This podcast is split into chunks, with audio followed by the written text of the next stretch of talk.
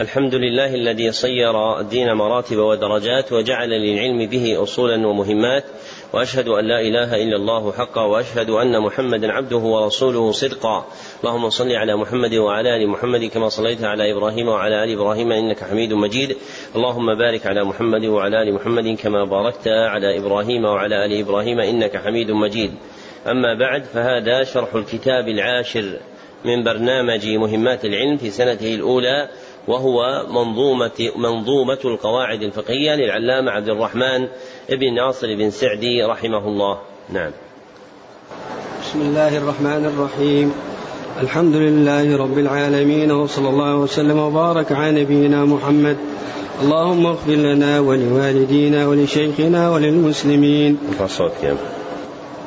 قال العلامة ابن سعدي رحمه الله تعالى في منظومته القواعد الفقهية بسم الله الرحمن الرحيم. الحمد لله العلي الأرفق وجامع الأشياء والمفرق ذي النعم الواسعة الغزيرة والحكام الباهرة الكثيرة. ثم الصلاة مع سلام دائم على الرسول القرشي الختم وآله وصحبه الأبرار الحائز مراتب الفخار. مراتب. الله إليكم. الحائز مراتب الفخار. اعلم هديت أن أفضل المينا. علم يزيل الشك عنك والدارا. ويكشف الحق لذي القلوب ويوصل العبد إلى المطلوب. قوله رحمه الله اعلم هديت أن أفضل المنن علم يزيل الشك عنك والدرن فيه ذكر منفعة عظيمة من منافع العلم. هي إزالته الشك والدرن عن القلوب والشك يشار به إلى أمراض الشبهات والدرن يشار به إلى أمراض الشهوات وهذان النوعان ترجع إليهما الأدواء التي تعتري القلب وشفاؤهما بالعلم لأن العلم يثمر اليقين والصبر. فاليقين يدفع الشبهات والصبر يدفع الشهوات فمن كان له يقين اندفعت عنه الشبهات ومن كان له صبر اندفعت عنه الشهوات وتأثل منزلة الإمامة كما قال تعالى وجعلنا منهم أئمة يهدون بأمرنا لما صبروا وكانوا بآياتنا يوقنون. ولا بلوغ لليقين والصبر إلا بالعلم. فمن ملئ قلبه بالعلم النافع أورثه ذلك اندفاع العلل عنه. فلا محل لشبهة ولا لشهوة فيه. نعم. فاحرص على فهمك للقواعد جامعات المسائل الشوارد. فترتقي في العلم خير مرتقى وتقتفي سبل الذي قد وفقا وهذه قواعد نظمتها من كتب أهل العلم قد حصلتها. جزاهم المولى عظيم الأجر والعفو مع غفرانه والبر. قوله رحمه الله فاحرص على فهمك للقواعد إلى آخره. فيه بيان فائدة قواعد العلم عامة ومنها مقصوده هنا وهو القواعد الفقهية دون غيرها لأنها مضمن منظومته وإلى هذه المنفعة أشار تلميذه ابن عثيمين رحمه الله في قوله وبعد فالعلم بحور زاخرة لن يبلغ الكادح فيها آخرة لكن في أصوله تحصيلا لنيله فاحرص تجد سبيلا. والقاعدة اصطلاحا قضية كلية تنطبق على جزئيات متفرقة من أبواب متعددة. قضية كلية تنطبق على جزئيات متفرقة من أبواب متعددة. وإذا أريد تعريف القاعدة اللغوية القاعدة الفقهية اصطلاحا قيل هي قضية كلية فقهية تنطبق على جزئيات متفرقة من أبواب متعددة. هي قضية كلية فقهية تنطبق على جزئيات متفرقة من أبواب متعددة. ما الفرق بين التعريفين؟ الأول والثاني؟ الثاني؟ سن الأول تعريف للقاعدة باعتبار عمومها فيندرج في ذلك القاعدة اللغوية والأصولية والحديثية والنحوية وغيرها والثاني تعريف لها بخصوص هذا المحل وهو القاعدة الفقهية. وقد أشار منشدكم إلى تعريف القاعدة لغة واصطلاحا في التبصرة السنية في القواعد الفقهية له بقوله هي الأساس للبناء لدى العرب. اكتبوا يا إخوان. هي الأساس للبناء لدى العرب. وحدها صناعة لمن طلب. وليس لمن نظر. وحدها صناعة لمن طلب قضية للفقه زد كلية. قضية للفقه زد كلية. منثورة الأبواب للجزئية. هي الأساس للبناء لدى العرب وحدها صناعة لمن طلب قضية للفقه زد كلية منثورة الأبواب للجزئية. ومعنى قوله وحدها صناعة أي اصطلاحا. والمتقدمون يسمون الحد الاصطلاحي بالحد الصناعي كما بينه ابن فارس في كتاب الصاحب. نعم. والنية والنية شرط لسائر العمل بها الصلاح والفساد للعمل. النية شرعا إرادة القلب العمل تقربا إلى الله. وقاعدة الأعمال بالنيات أم القواعد الفقهية. وعامة الفقهاء يشيرون إليها بقولهم الأمور بمقاصدها. وهذا التعبير معدول عنه لوجوه بيناها في غير هذا المحل. أقلها أن فيها تركا. للمأثور في الباب عن النبي صلى الله عليه وسلم. وقد أشار النبي صلى الله عليه وسلم إليها بقوله الأعمال بالنيات فلو عبر عنها بذلك لشفى وكفى كما ذكره السبكي رحمه الله في قواعده. فالمختار أن التعبير الموافق للشرع السالم من المعارضة عن هذه القاعدة بأن نقول الأعمال بالنيات. نعم. والدين مبني على المصالح في جلبها والدرء للقبائح. فإن تزاحم عدد المصالح يقدم الأعلى من المصالح. وضده تزاحم المفاسد يرتكب الأدنى من المفاسد. عندكم معدلة؟ إيه, إيه صححوها. فإن تزاحم عدد المصالح يقدم الأعلى من المصالح. هذا من فعلات الحاسوب. ولذلك هذه الآلات لا ينبغي أن يركن إليها الإنسان. نعم. الله عليك. ومن قواعد الشريعة فإن تزاحم أعد. فإن تزاحم عدد المصالح يقدم الأعلى فإن تزاحم عدد المصالح يقدم الأعلى من المصالح. نعم. فإن تزاحم عدد المصالح يقدم الأعلى من المصالح. نعم. وضده تزاحم المفاسد يرتكب الأدنى من المفاسد. الدرء للقبائح أي دفعها. ويعبر عن هذه القاعدة بقولهم الدين مبني على تحصيل المصالح وتكميلها. الدين مبني على تحصيل المصالح وتكميلها ودرء المفاسد وتقليلها. وإطلاق المصلحة والمفسدة هو باعتبار حال العبد. لا بالنظر إلى الله سبحانه وتعالى فإن الله لا تنفعه طاعة الطائعين ولا تضره معصية العاصين. والمصلحة اسم للمأمور به شرعا. فتشمل إيش؟ الفرائض والنوافل. والمفسدة اسم للمنهي عنه. شرعا على وجه الإلزام. والمفسدة اسم للمنهي عنه شرعا على وجه الإلزام. فتشمل إيش؟ إذا ما تشمل.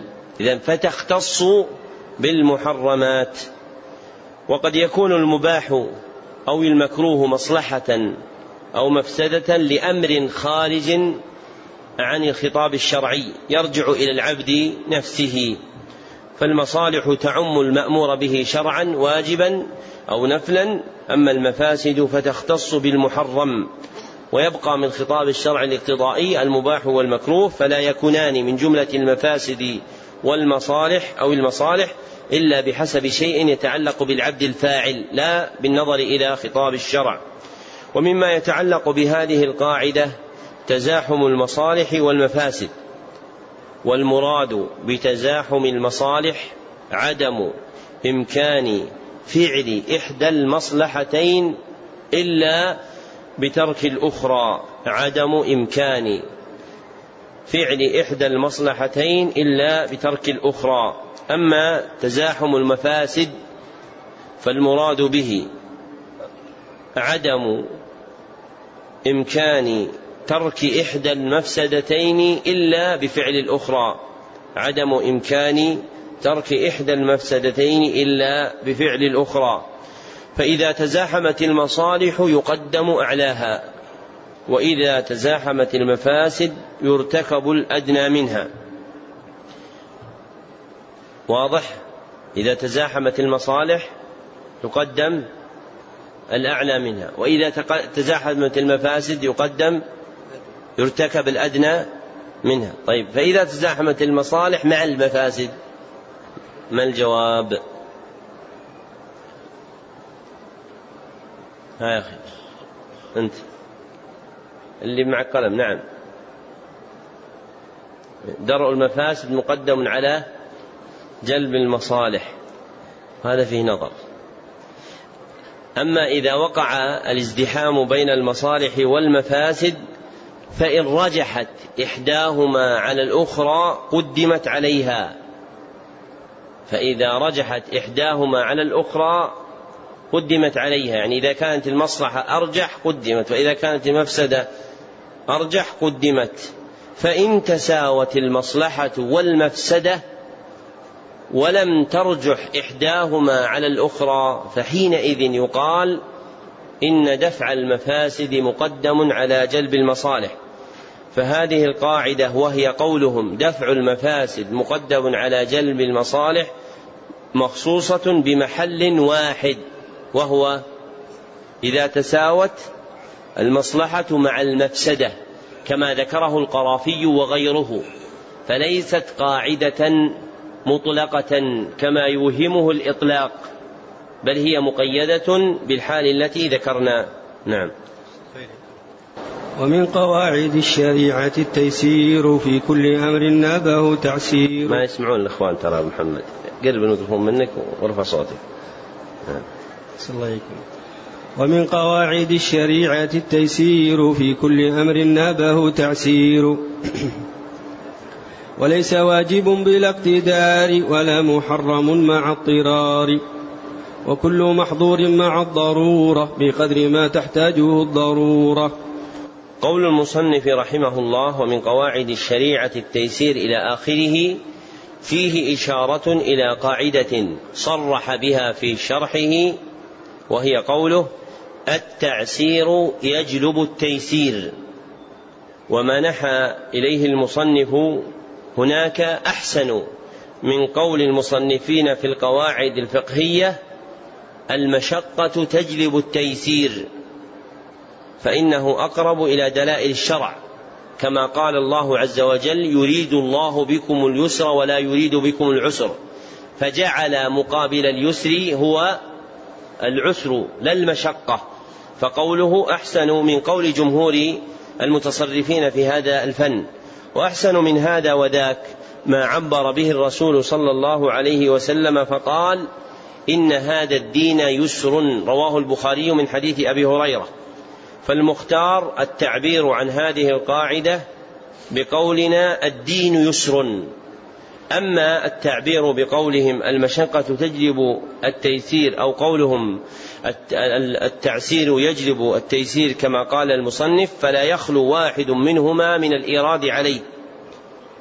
وهذه المسألة وهي التفطن إلى الألفاظ التي عبر بها الشارع وتقديمها أصل عظيم. نبه عليه ابن القيم في آخر إعلام الموقعين والغالب أن القواعد التي ذكرها الفقهاء ولا سيما الكلية عليها اعتراض من هذه الجهة وقد تقدم معنا الأمور بمقاصدها وأن الأولى أن يقال الأعمال بالنيات وهذه قاعدة ثانية يقولون فيها المشقة تجلب التيسير والأولى أن يقال الدين يسر ومن تيسير الشريعة أن الواجب مناط بالقدرة كما قال الناظم وليس واجب بلا اقتدار فلا واجب إلا مع القدرة عليه كما قال عز وجل فاتقوا الله ما استطعتم. ومن تيسيرها أيضا أن الاضطرار يرفع إثم التحريم كما قال الناظم ولا محرم مع اضطرار.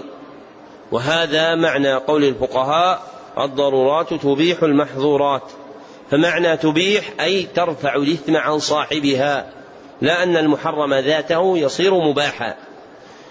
والضرورة هي ما يلحق العبد ضرر بتركه. هي ما يلحق العبد ضرر بتركه. ولا يقوم غيره مقامه. ولا يقوم غيره مقامه. والمأذون تناوله من المحظور عند الضرورة هو ما كان بقدر الحاجة فقط. كما قال الناظم وكل محظور مع الضرورة بقدر ما تحتاجه الضرورة. فلا تجوز الزيادة عن قدر الحاجة. إذا اضطر الإنسان لدفع ضرورته بأمر ما كآكل الميتة الذي يخشى الهلاك فلا يجوز له أن يتناول منها إلا ما يدفع مسغبته وجوعه. أما الزيادة حتى يبلغ الشبع فإنها باقية على أصل التحريم لأن الضرورة مناطة بحاجة العبد إليها وحاجته هي بقدر ما يسد رمقه, رمقه.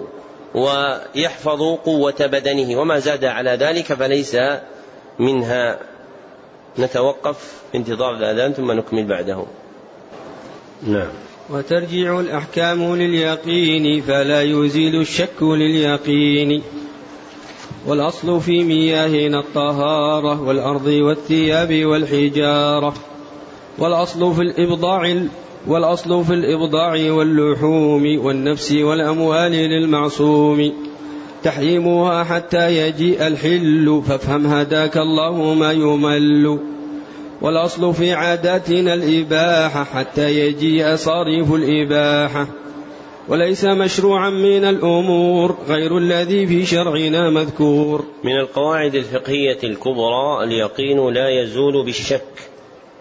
والمعنى أن الشك الطارئ على يقين مستحكم لا يرفعه.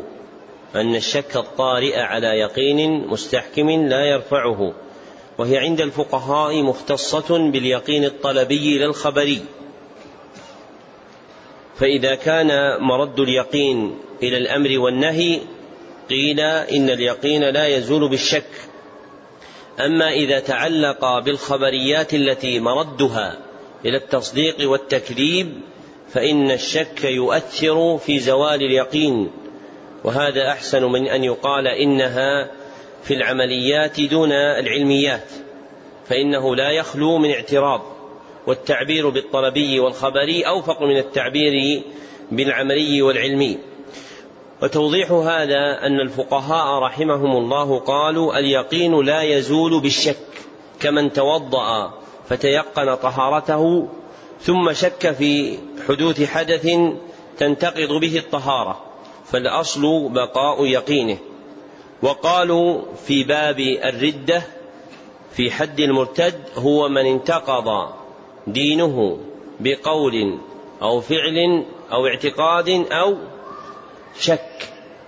فجعلوا الشك ناقضا لليقين. أليس من قال لا إله إلا الله ثبت إسلامه بيقين؟ الجواب بلى ثبت إسلامه بيقين. فإذا شك فإنه يكون مرتدا. إذا شك في الله أو قدرته أو في صدق رسالة النبي صلى الله عليه وسلم فإنه يخرج من الإسلام. فكيف زال عندهم اليقين بالشك؟ واضح؟ ما الجواب؟ لأنه متعلق بيش باليقين الخبري لا باليقين الطلبي. ففرق بين طروء الشك على اليقين الطلبي وطروئه على اليقين الخبري. فلا يؤثر في الأول بخلاف الثاني فإنه يلغيه. ويتفرع عن هذه القاعدة اليقين لا يزول بالشك تحقيق الأصل في أبواب كثيرة. عرض المصنف رحمه الله لجملة منها فقال والأصل في مياهنا الطهارة إلى آخره. والمراد بالأصل هنا القاعدة المستمرة التي لا تترك إلا لدليل ينقل عنها القاعدة المستمرة التي لا تترك إلا لدليل ينقل عنها. وذكر الناظم رحمه الله الأصل في أبواب ثمانية. الأول الأصل في مياهنا الطهارة. والثاني الأصل في الأرض الطهارة. والثالث الأصل في الثياب الطهارة. والرابع الأصل في الحجارة الطهارة. والخامس الأصل في الإبضاع التحريم. والإبضاع بالكسر هو الوطء. والأبضاع بالفتح الفروج والذي تقتضيه عبارة الناظم في شرحه الكسر ليس غير. وفي هذا الموضع نزاع بين العلماء في أصله والمختار أن الأصل في الإبضاع أي عقد النكاح الحل. فيجوز للمرء أن يعقد نكاحه على من شاء إلا ما استثني من المحرمات. والأصل في الأبضاع وهي الفروج التحريم. فلا يجوز للعبد أن يطأ فرجا إلا زوجا أو ما ملكت يمينه. وهذا فصل المقال في هذه المسألة التي اختلف فيها الفقهاء رحمهم الله. فإذا كانت فإذا كانت الإبضاع بالكسر وهو عقد النكاح فالأصل فيه الحل. لقوله تعالى فانكحوا ما طاب لكم من النساء. إلا ما استثني من المحرمات. في سورة النساء والأحاديث الواردة. وإذا كانت الأبضاع بالهمزة المفتوحة وهي الفروج فالأصل فيها التحريم كما قال تعالى والذين هم لفروجهم حافظون إلا على أزواجهم أو ما ملكت أيمانهم فلا يجوز للإنسان أن يطأ فرجا إلا وهو مستبيح له بعقد زوجية أو ملك يمين. السادس الأصل في اللحوم التحريم. وهذا صحيح إن أريد باللحوم ما لا يحل إلا بذكاه. فتلك الأصل فيها التحريم وهو مقصود الناظم كما بينه في شرحه. وإن أريد أن أل في اللحوم للاستغراق فالأصل فيها الحل لكن المراد هنا اللحوم التي تفتقر إلى الذكاء. السابع الأصل في العادات الإباحة والعادة اسم لما استقر عليه الناس وتتابعوا عليه اسم لما استقر عند الناس وتتابعوا عليه.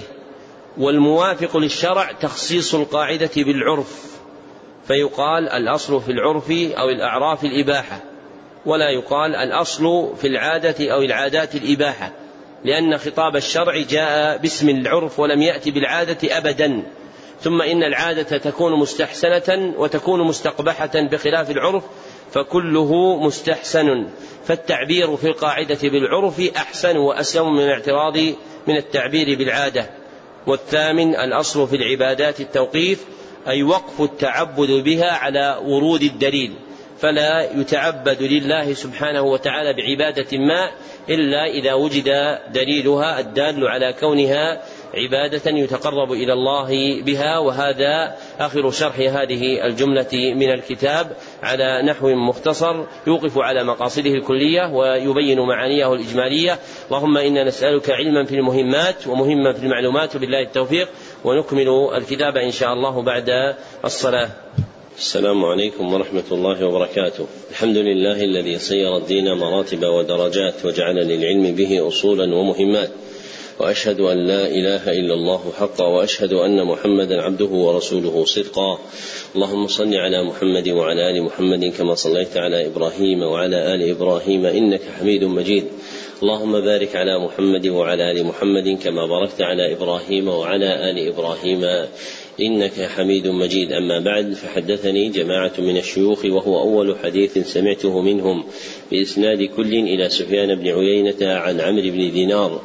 عن أبي قابوس مولى عبد الله بن عمرو عن عبد الله بن عمرو بن العاص رضي الله عنهما أن رسول الله صلى الله عليه وسلم قال الراحمون يرحمهم الرحمن تبارك وتعالى ارحموا من في الأرض يرحم يرحمكم من في السماء.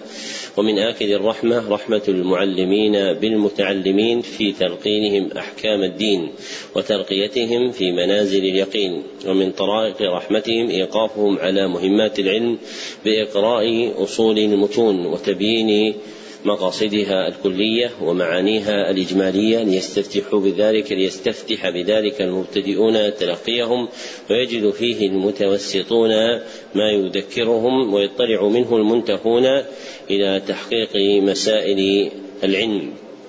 وهذا تتمة شرح الكتاب العاشر من برنامج مهمات العلم في سنته الأولى وهو منظومة القواعد الفقهية للعلامة عبد الرحمن بن ناصر بن سعدي رحمه الله. وقد انتهى بنا البيان إلى قوله وسائل الأمور كالمقاصد نعم. قال الناظم رحمه الله تعالى وسائر الأمور كالمقاصد واحكم بهذا الحكم للزوائد ذكر الناظم هنا قاعدتين فقهيتين. إحداهما الوسائل لها أحكام المقاصد والأخرى الزوائد لها أحكام المقاصد. والمراد بالمقاصد الغايات المرادة بالأمر والنهي. الغايات المرادة بالأمر والنهي. أما الوسائل فهي الذرائع المفضية إلى المقاصد. فهي الذرائع المفضية إلى المقاصد. وأما الزوائد فهي الأمور التي تجري تتميما للفعل. ومعنى القاعدة أن الوسيلة لها حكم المقصد أمرا ونهيا وثوابا وعقابا وكذلك الزوائد. فالصلاة مثلا مقصد. والمشي إليها وسيلة والرجوع بعد الفراغ منها إلى البيت أو غيره إيش؟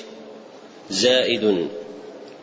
فالصلاة مأمور بها ومثاب عليها ووسيلتها وهي المشي إليها مأمور بها ومثاب عليها. وكذلك يقع الثواب على الزائد. وهذا من بركة المأمور به. فإن الله سبحانه وتعالى يثيب العبد على الفعل اللاحق للمأمور بعده مما يسمى زائدا. وهذا ظاهر بالنظر إلى زوائد المأمور به. فإن زوائد المأمور به تابعة له. وأما زوائد المنهي عنه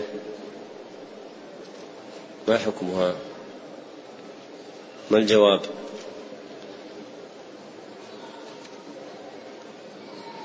ما الجواب مع مع ذكر مثال ها نعم تابع له. كمثل إيش؟ يعني بس هذا ما هو زائد هذا اتباع يعني إثمه في الاتباع. نعم يا أخي. إيش؟ لا يتم على إيش؟ إيش؟ الزائد يعني من المهني عنه لا مثال مثل طيب. مم. مم. يقول الأخ المثال حتى يتضح لكم المسألة. شرب الخمر منهي؟ عنه هذا نهي عن مقصد أم مسيلة أو زائد؟ مقصد. والذهاب إلى حانته وسيلة.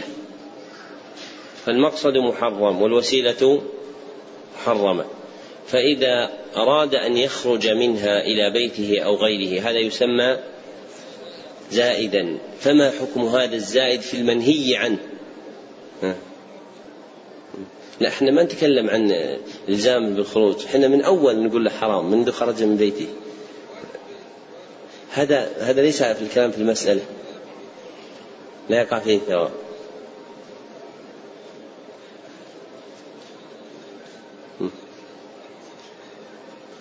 أحسنت.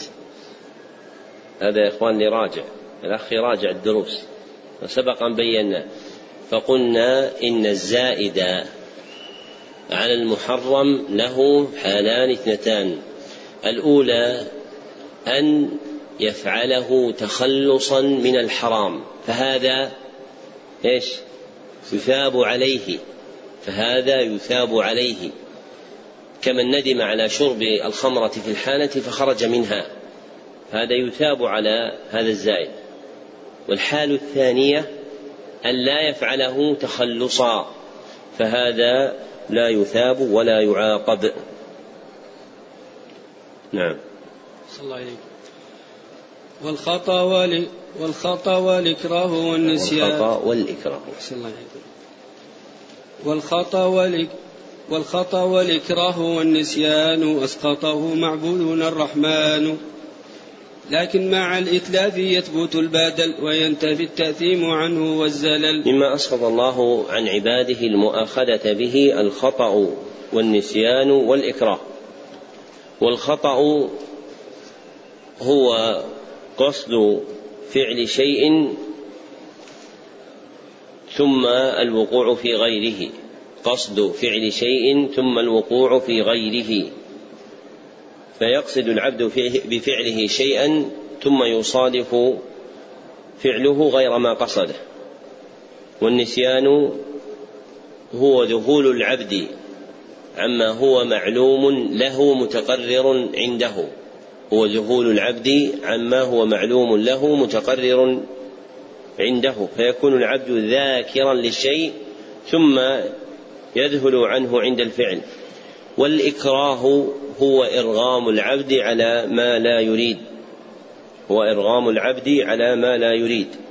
والمراد بالإسقاط عدم التأثيم. وهذا لا يقتضي عدم الضمان. بل مع الإتلاف يثبت بدل المتلف في أحوال مبينة في مواضعها عند الفقهاء. ذكرناها في المحل اللائق بها. فالمسألة معلقة بعدم تأتيمه ولا تعلق لها بالضمان فإن الضمان شيء آخر. نعم. الله عليكم ومن مسائل الأحكام في التابع يثبت لا إذا استقل فوقع. أي يثبت تبعا ما لا يثبت استقلالا. فيحكم على شيء بأمر ما لمجيئه تابعا لا مستقلا. فيكون له حكم مع الاستقلال والانفراد وحكم آخر مع الاتحاد والتبعية. فإذا شاء تابعا لغيره صار له حكم وإذا انفرد صار له حكم آخر. مثاله ما حكم أكل الدود؟ الجواب. محرم لا نحن نتكلم نقول ما حكم أكل الدود؟ إيه، لا يجوز. حكم أكل الدود لا يجوز. طيب. التمر الذي يوجد فيه الدود الصغير هل يجب على الإنسان فريه أي شقه وإخراج الدود منه أم يجوز له أن يأكله دون فري؟ يجوز. فحكم لأكل الدود تبعا لأكل التمرة ما لم يحكم له به عند الاستقلال. نعم. والعرف معمول به إذا ورد حكم من الأخ الذي يضع جواله على الموسيقى يتقي الله. هذا لا يجوز لا في المسجد ولا في غير المسجد. والجوالات المقصود من الرنات التنبيه فما خرج عن هذا فإنه يحرم ولو كان قرآنا أو أذانا لأن القرآن والأذان لا يستعملان في التنبيه فهما عبادتان معظمتان وجعل القرآن محل التنبيه والأدعية والأذان نظير جعل الأغاني والموسيقى والحسنة بين سيئتين. والحق بين باطلين والهدى بين ضلالتين فهي آلة جعلت للانتفاع بها بالتنبيه على اتصال فما حصل به هذا المقصود جاز وما زاد عن ذلك مما يضعه بعض المشغوفين بشيء ما فهذا لا يجوز. وجعل العبادات في غير محلها لا يجوز. ويجوز للإنسان أن يوقت الأذان في وقته بهذا الجهاز بحيث يؤذن في وقته. وأما في غيره وجعله للتنبيه أي نغمة له فهذا لا يجوز. نعم. والعرف معمول به إذا ورد حكم من الشرع الشريف لم يحد. العرف هو ما تتابع الناس عليه واستقر عندهم. هو ما تتابع الناس عليه واستقر عندهم. ومن أحكامه التعويل عليه في ضبط الأسماء الشرعية. كاكرام الضيف وبر الوالدين والإحسان إلى الجار. وهذا هو مراد الناظم.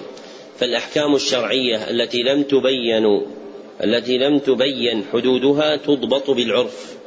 وهذه المسألة مندرجة تحت قاعدة عظيمة عند الفقهاء وهي العادة محكمة.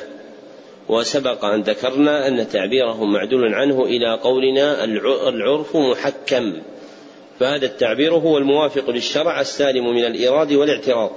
نعم. الله عليك. معاجل المحظور قبل آنه قد باء بالخسران مع حرمانه.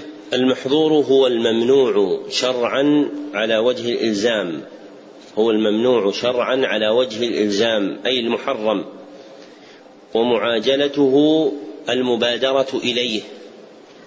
فيعاقب بحرمانه من قصده وبالخسران. وهو ترتب الإثم عليه. نعم. وإن أتى التحريم في نفس العمل أو شرطه فذو فساد وخلل. المراد بالتحريم النهي. وعبر عنه بأثره. فالأصل في النهي أنه للتحريم.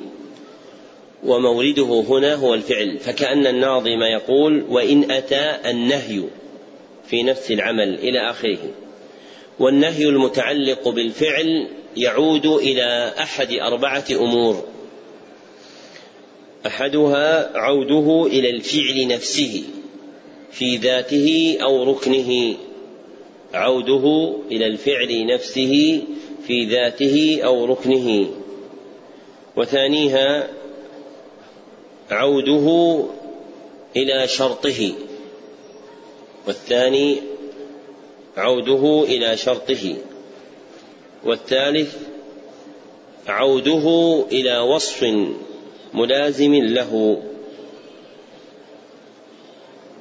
والرابع عوده إلى خارج عما تقدم مرتبط بالفعل. عوده إلى خارج عما تقدم مرتبط بالفعل. فإذا عاد النهي إلى الثلاثة الأول رجع على الفعل بالفساد والبطلان. فإذا عاد إلى الثلاثة الأول رجع على الفعل بالفساد والبطلان. وإذا عاد إلى الرابع لم يقتضي النهي الفساد. وإذا عاد إلى الرابع لم يقتضي النهي الفساد. نعم. الله عليكم ومتلف مؤذيه ليس يضمن بعد الدفاع بالتي هي أحسن. إذا أتلف العبد مؤذيه كآدمي أو حيوان صال عليه فدفعهما عن نفسه فإنه لا ضمان عليه بشرط أن يدفعه بالأدنى فالأعلى.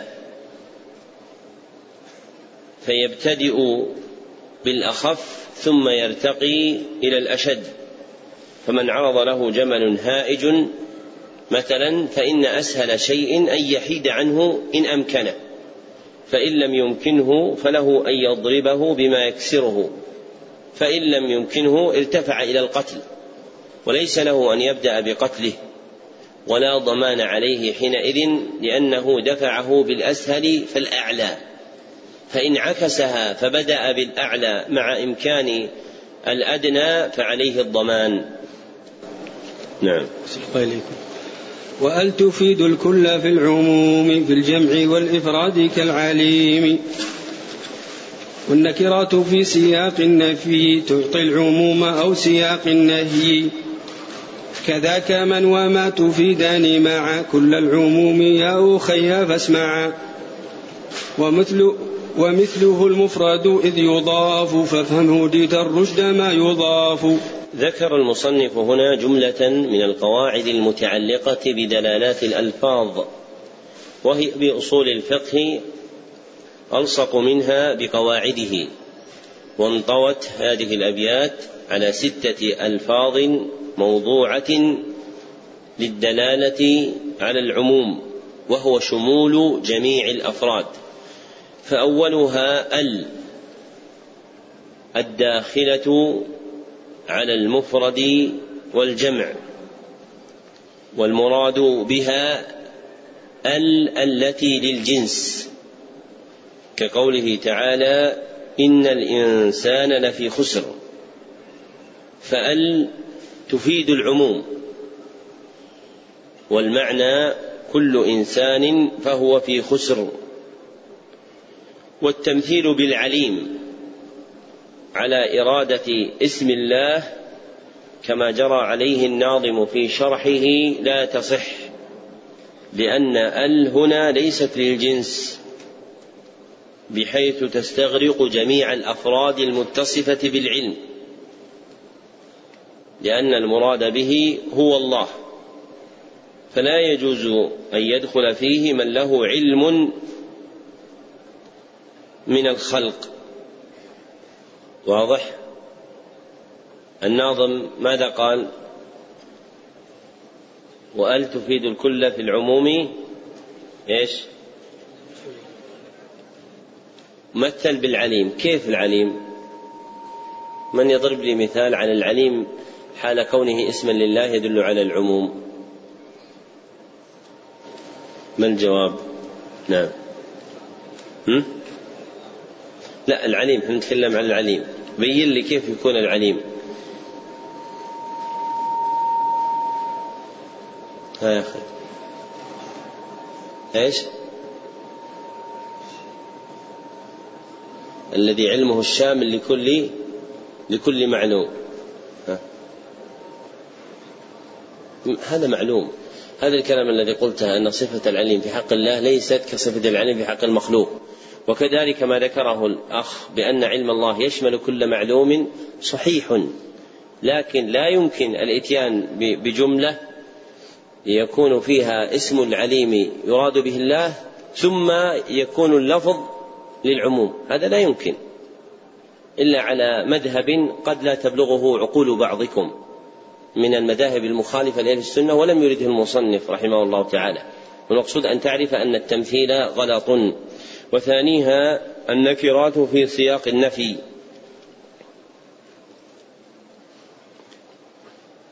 وثالثها النكرات في سياق النهي. والنهي والنفي يشتركان في كونهما دالين على العدم. ويفترقان في الصيغة الدالة عليهما. فإن للنهي صيغة تختص به هي دخول لا الناهية على الفعل المضارع. أما النفي فأدواته كثيرة. ورابعها من؟ وخامسها ما؟ الإسمية دون الحرفية عند الجمهور. وسادسها المفرد المضاف. ولا قائل به. هكذا على وجه الإطلاق الذي أورده المصنف. ولعل مراده المفرد المضاف إلى معرفة. لعل مراده المفرد المضاف إلى معرفة.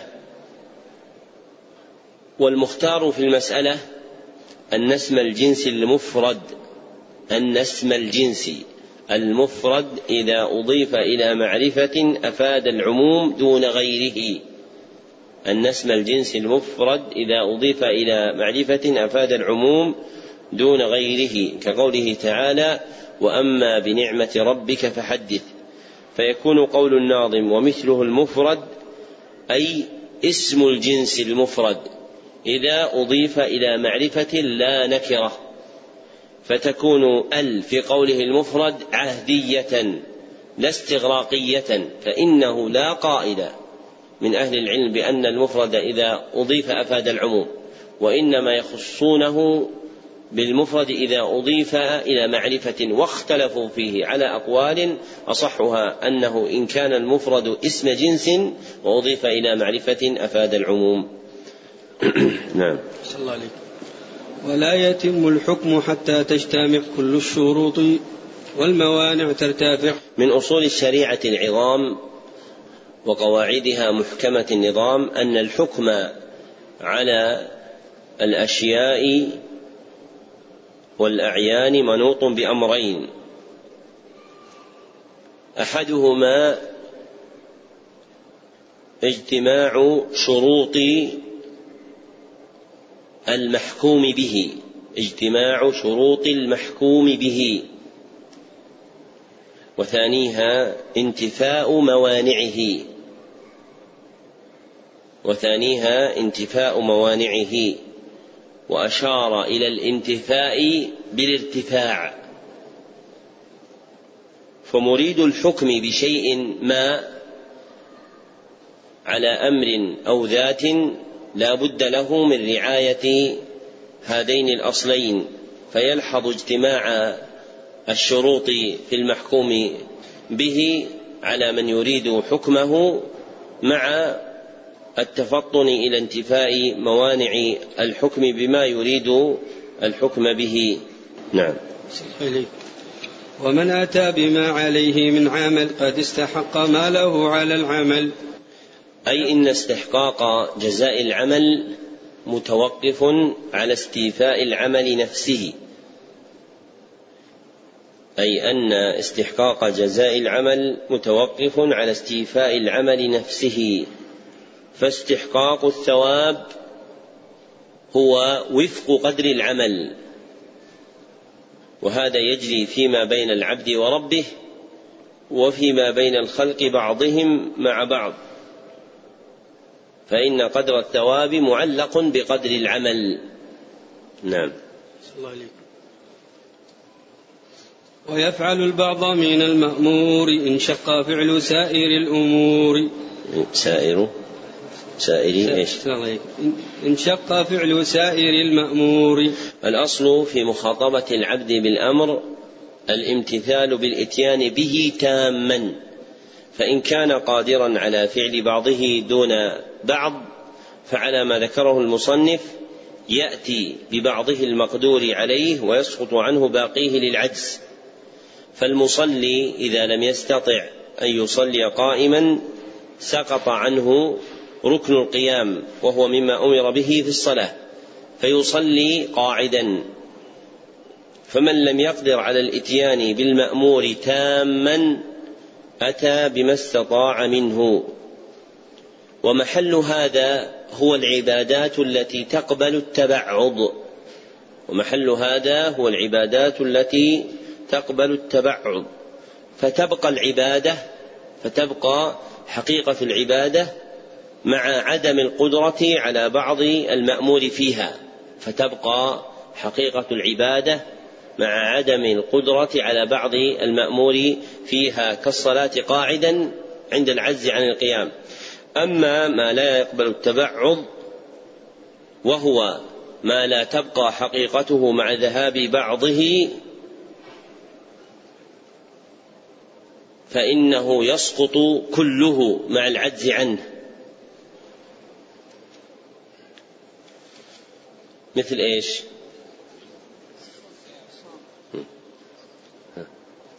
أيوه. كيف؟ أيوه.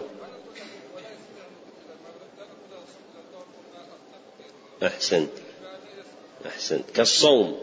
فلا يقال من قدر على صيام بعض يوم صام ذلك ثم أفطر بل يسقط عنه صوم اليوم كله للعجز عنه. فلو أن إنسانا عنده مرض من الأمراض التي تضر به حال صيامه كأمراض السكر أو القلب ويستطيع بشهادة الطبيب أن يصوم من الفجر إلى الظهر ولا يستطيع أن يصوم من الفجر إلى المغرب. فهذا يسقط عنه الصوم بالكلية لعجزه مع امتناع التبعه وتلزمه الكفارة. ولا يقال يجب عليه أن يمسك إلى الظهر ثم يفطر. واضحة هذه المسألة؟ واضحة؟ تفريق بين ما إذا كانت العبادة لا تتبعض وبين ما إذا كانت إيش؟ تتبعض. مرة قلت للإخوان هذه فائدة. إن للعلوم أسرارا من اطلع عليها سهلت له. إن للعلوم أسرارا من اطلع عليها سهلت له. اللي, ذكر يذكر الكلام مش إيش ذكرنا الأسرار؟ أهل الرياض واللي يحضرون دروس في الرياض. هذا في شرح الأجرامية ذكرناه. إيش؟ أيوه. أحسنت. طيب. وغيره. أحسنت. باقي واحد. تكلمنا عنه هذيك الليل. عشان هو المناسب أنت ذكرت المناسب للمحل. من أسرار العلوم أن الفقه مرجعه إلى الجمع والفرق. فقد قال السنباطي أحد علماء الشافعية الفقه الجمع والفرق. أي الجمع بين المسائل المتناظرة والتفريق بين المسائل المختلفة. فهذه المسألة مأخذها هنا هو إمكان تبعض العبادة. فإذا أمكن تبعض العبادة إيش؟ جاز فعل بعض المقدور عليه. جاز فعل المقدور عليه ولم يخل بحقيقة العبادة. وإذا كانت العبادة لا تتبعض إيش؟ فلا يجب على العبد أن يفعلها لعدم إمكان الإتيان بحقيقتها. فالفقه سره الجمع والفرق. ومثل ما ذكر الأخ قلنا النحو سره الحذف والتقدير. وقلنا أيضا العلل سرها جمع الطرق. وما من علم إلا له سر. فالذي يطلع على أسرار العلوم ويقررها للناس يسهل للناس فهم هذه العلوم.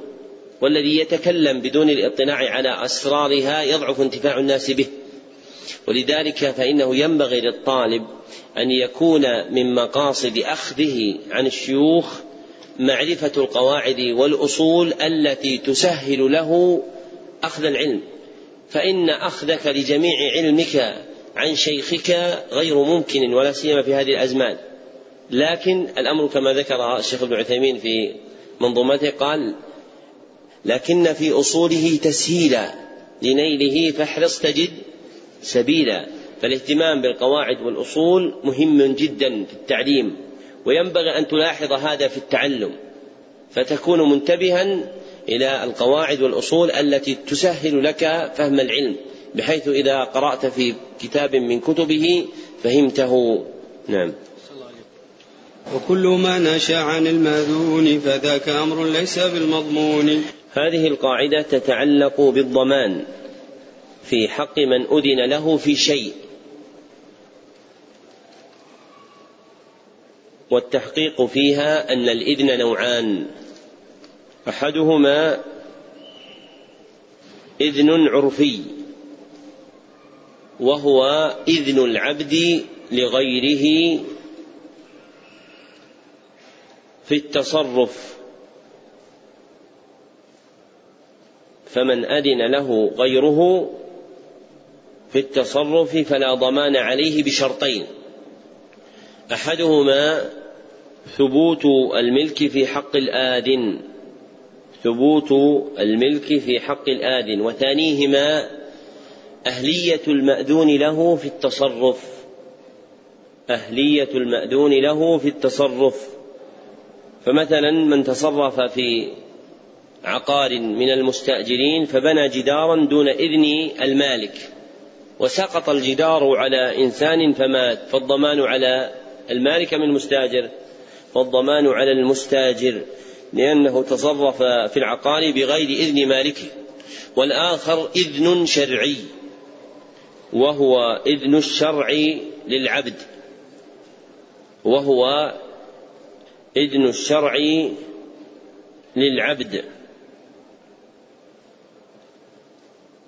وعلى العبد فيه الضمان بشرطين وعلى العبد فيه الضمان بشرطين. أحدهما أن يكون في الإذن مصلحة مباشرة للعبد. أن يكون في الإذن مصلحة مباشرة للعبد. وثانيهما انتفاء الضرر اللاحق لغيره بما أذن له فيه. انتفاء الضرر اللاحق بغيره فيما أذن له فيه. كإنسان بلغ به الجوع مبلغه في الصحراء ويخشى الهلكة فوجد شاة فذكاها وأكل من لحمها.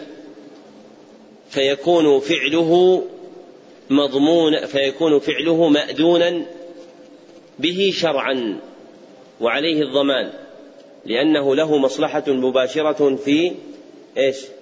في فعله لأنه يدفع بذلك الضرر عن نفسه ويمكنه رفع الضرر اللاحق بغيره وهو مالك الشاه ويكون ذلك بماذا؟ بدفع القيمة أو المثل بدفع القيمة أو المثل نعم وكل حكم دائر مع دائر. وكل, حكم دائر مع علته وهي التي قد أوجبت لشرعته. الأحكام في الشرع مناطة بعللها والمراد بعلة الحكم الوصف المنضبط الظاهر الذي علق به الحكم الشرعي. الوصف المنضبط الظاهر الذي علق به الحكم الشرعي. ومن متعلقات هذا الأصل أن الحكم يدور مع علته. والمراد بالدوران الوجود والعدم والنفي والإثبات. وهذا معنى قول الفقهاء الحكم يدور مع علته وجودا وإيش؟ وعدما. وهو مشروط بشرطين. أحدهما أن تكون العلة متيقنة. أن تكون العلة متيقنة. والثاني عدم ورود الدليل ببقاء الحكم مع انتفاء العلة.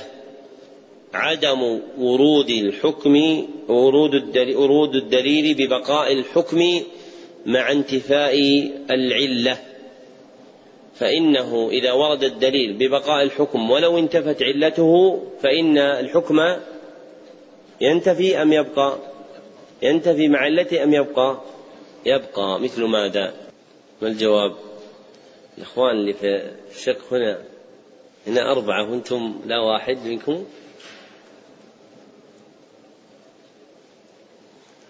نعم يا أخي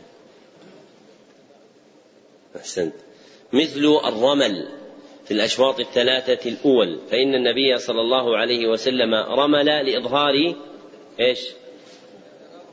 قوة المسلمين وإغاظة الكفار. فلما استتم الدين وصارت الغلبة للمسلمين بقي هذا الحكم.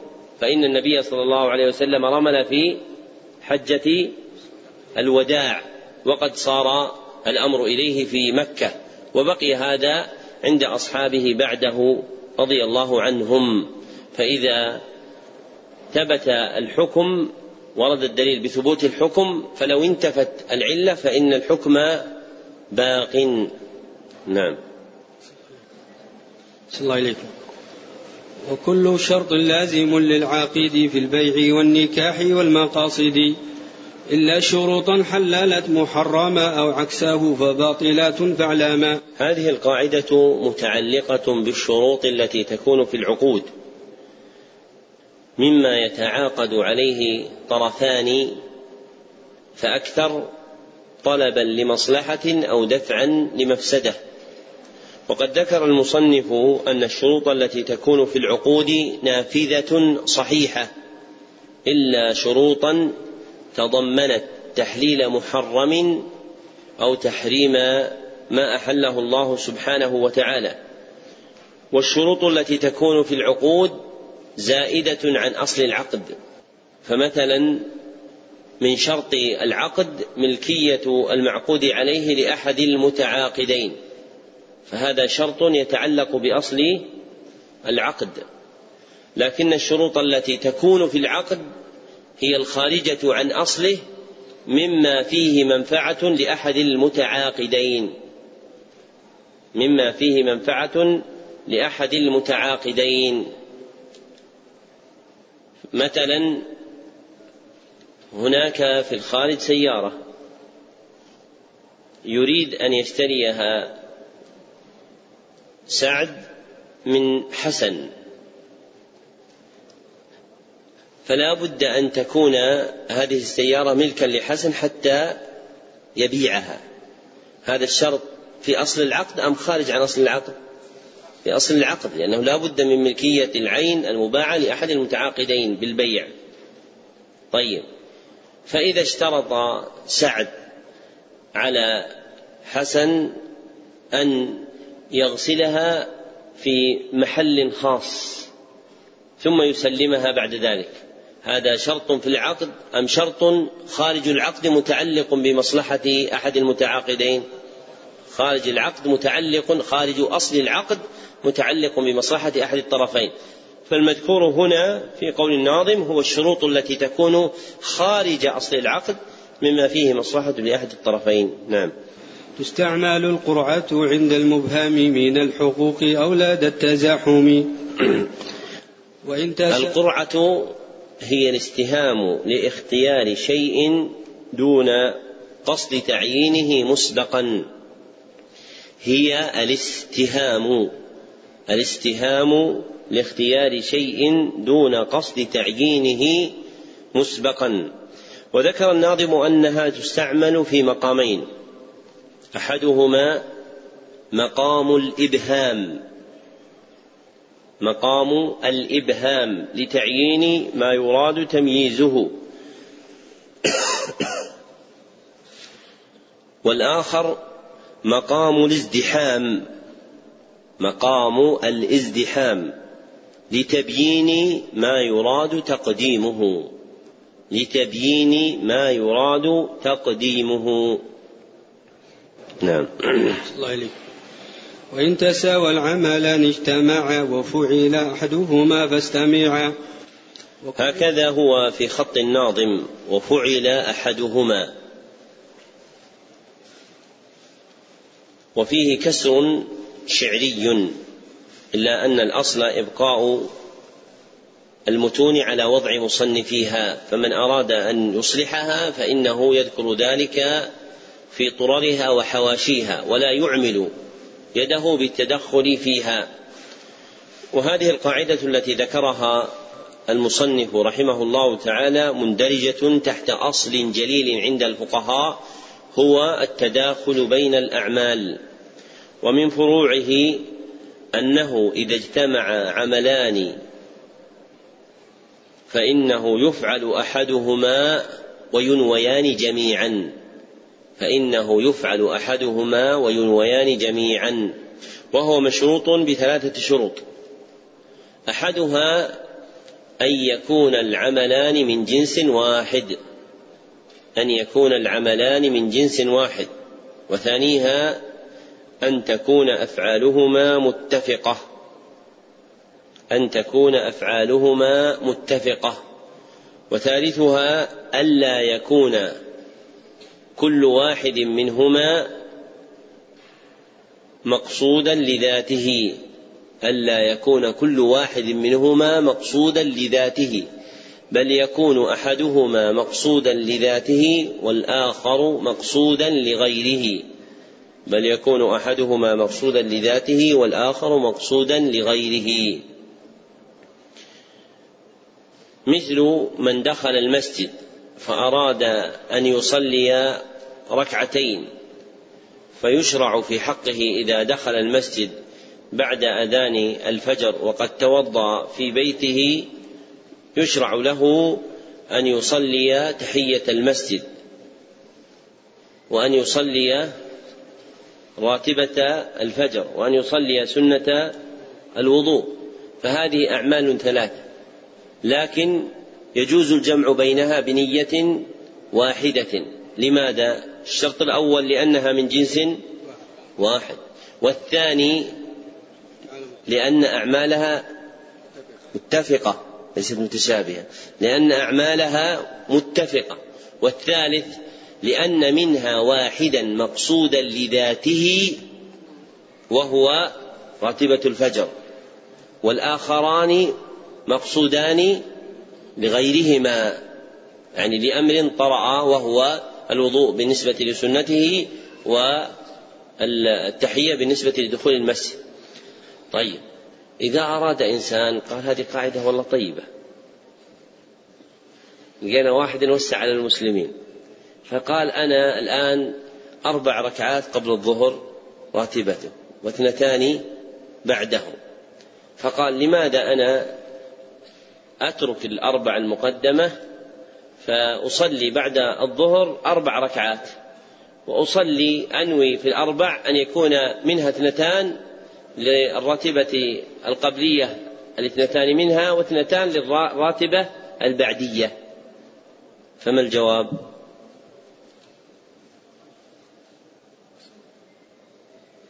يا أخي الجواب أن كل واحد منهما مقصود لذاته فليس له أن يصليهما جميعا بنية واحدة تجمع بينهما. نعم. الله وكل مشغول فلا يشغل مثاله المرهون والمسبل. هذا معنى قول الفقهاء المشغول لا يشغل أي أن العين المشغولة بحكم لا تشغل بحكم آخر. أي أن العين التي تشغل بحكم لا تشغل بحكم آخر. والتحقيق أن هذه القاعدة مقيدة بما يرجع على الإشغال بالإبطال دون غيره. أنها مقيده مقيدة بما يرجع إلى الإشغال بالإبطال. فإذا كانت العين مشغولة بشيء ثم أشغلت أريد إشغالها بشيء آخر. يبطل الأول فإنه يمنع وأما إن كان لا يبطله فإنه لا يمنع. وإلى ذلك أشار العلامة ابن عثيمين رحمه الله تعالى في قوله وكل مشغول فليس يشغل بمسقط بما به ينشغل فقيده بهذا القيد. مثال ماذا؟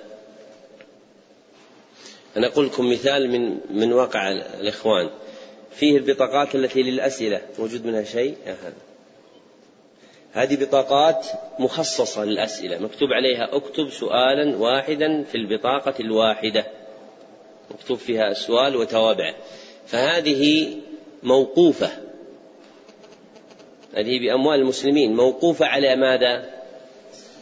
على الأسئلة. طيب. أحد الإخوان أخذ مجموعة من الأوراق وصار يكتب عليها الدرس. على خلفها ويكتب الدرس. هذا أشغلها بما يرجع, يرجع على العين المشغولة بالإبطال أم لا؟ بلى. فلا يجوز له ذلك. نعم. ومن يؤدي عن أخيه واجبا له الرجوع إن ويطالبا هذه القاعدة تتعلق بالحقوق المؤداة عن الخلق مما لا تفتقر إلى نية الأداء متعلقة بالحقوق المؤداة عن الخلق مما لا يتعلق مما لا يفتقر إلى نية الأداء. فللعبد الرجوع إلى من أدى عنه ليطالبه بما أداه. وذلك مشروط بوجود نية الرجوع عند الأداء فإن لم ينوي لم يجز الرجوع.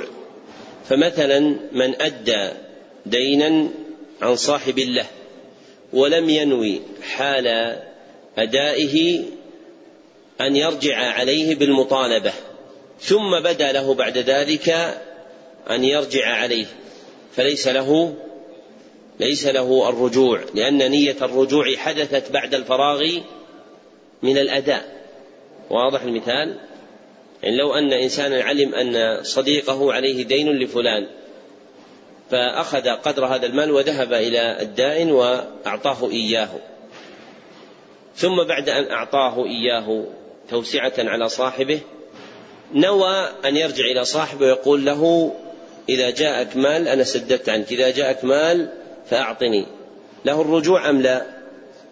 ليس له الرجوع. طيب إن أخذ هذا المال فقال أنا أؤديه عن صاحبي وأنوي إن شاء الله. إذا جاءه مال أن يسددني. وذهب وأخذ المال وأعطاه إلى الدائن. فله أن يرجع أم ليس له أن يرجع؟ له أن يرجع. نعم. والوازع الطبعي عن العصيان يقول الأخ لو تعد تعيدنا قاعدة. قلنا إن هذه القاعدة تتعلق بالحقوق المؤداة عن الخلق فيما لا يفتقر منها إلى نية الأداء. الآن إذا ذهب هذا ودفع الدين يصح أم لابد من نية من المدين صاحبه؟ لا يحتاج إلى نية. فيصح الأداء. فإن نوى قبله الرجوع صح أن يرجع وإن لم ينوي إلا بعد الفراغ لم يصح له أن يرجع. نعم. الله إليك والوازع الطبعي عن العصيان كالوازع الشرعي بلا نكران.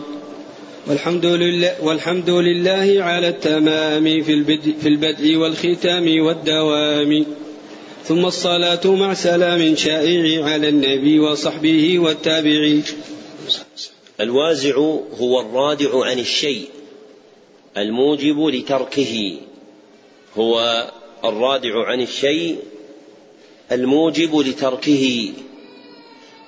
وذكر المصنف رحمه الله أنه نوعان اثنان أحدهما الوازع إيش؟ الطبعي وهو المغروس في الجبلة الطبعية وهو المغروس في الجبلة الطبعية. والآخر الوازع الشرعي وهو المرتب من العقوبات الدينية وهو المرتب من العقوبات في الشرعة الدينية وهو المرتب من العقوبات في الشرعة الدينية. مثلا التقدر من أكل النجاسات الذي يوجد في النفوس السوية وأزع طبعي أم شرعي؟ طبعي الوعيد بقطع يد السارق وازع شرعي أم وازع طبعي؟ وازع شرعي. وبقي وراء هذين الوازعين وازع ثالث هو الوازع السلطاني. أحسنت الإخوان حضروا في الرياض. الوازع السلطاني ذكر هذا الطاهر بن عاشور في كتابه المقاصد. فصارت الوازعات كم؟ ثلاثة. الأول الوازع الشرعي والثاني الوازع الطبعي والثالث الوازع السلطاني. وتجمع الأنواع الثلاثة بإصلاح بيت المصنف في قولنا والوازع الطبعي عن العصيان كالوازع الشرعي والسلطاني والوازع الطبعي عن العصيان كالوازع الشرعي والسلطاني. وبهذا ينتهي شرح الكتاب على نحو مختصر يوقف على مقاصده الكلية ويبين معانيه الإجمالية. اللهم إنا نسألك علما في المهمات ومهما في المعلومات وبالله التوفيق. نبدأ في الآجر الرامية. طيب الليلة تنصرفون مبكر حتى ترتاحوا؟ لأن غدا عندنا النحو والأصول. عندنا الآجر الرامية إن شاء الله تعالى في أول النهار والأصول فيما بقي. وفق الله الجميع لما يحب ويرضى. الحمد لله رب العالمين.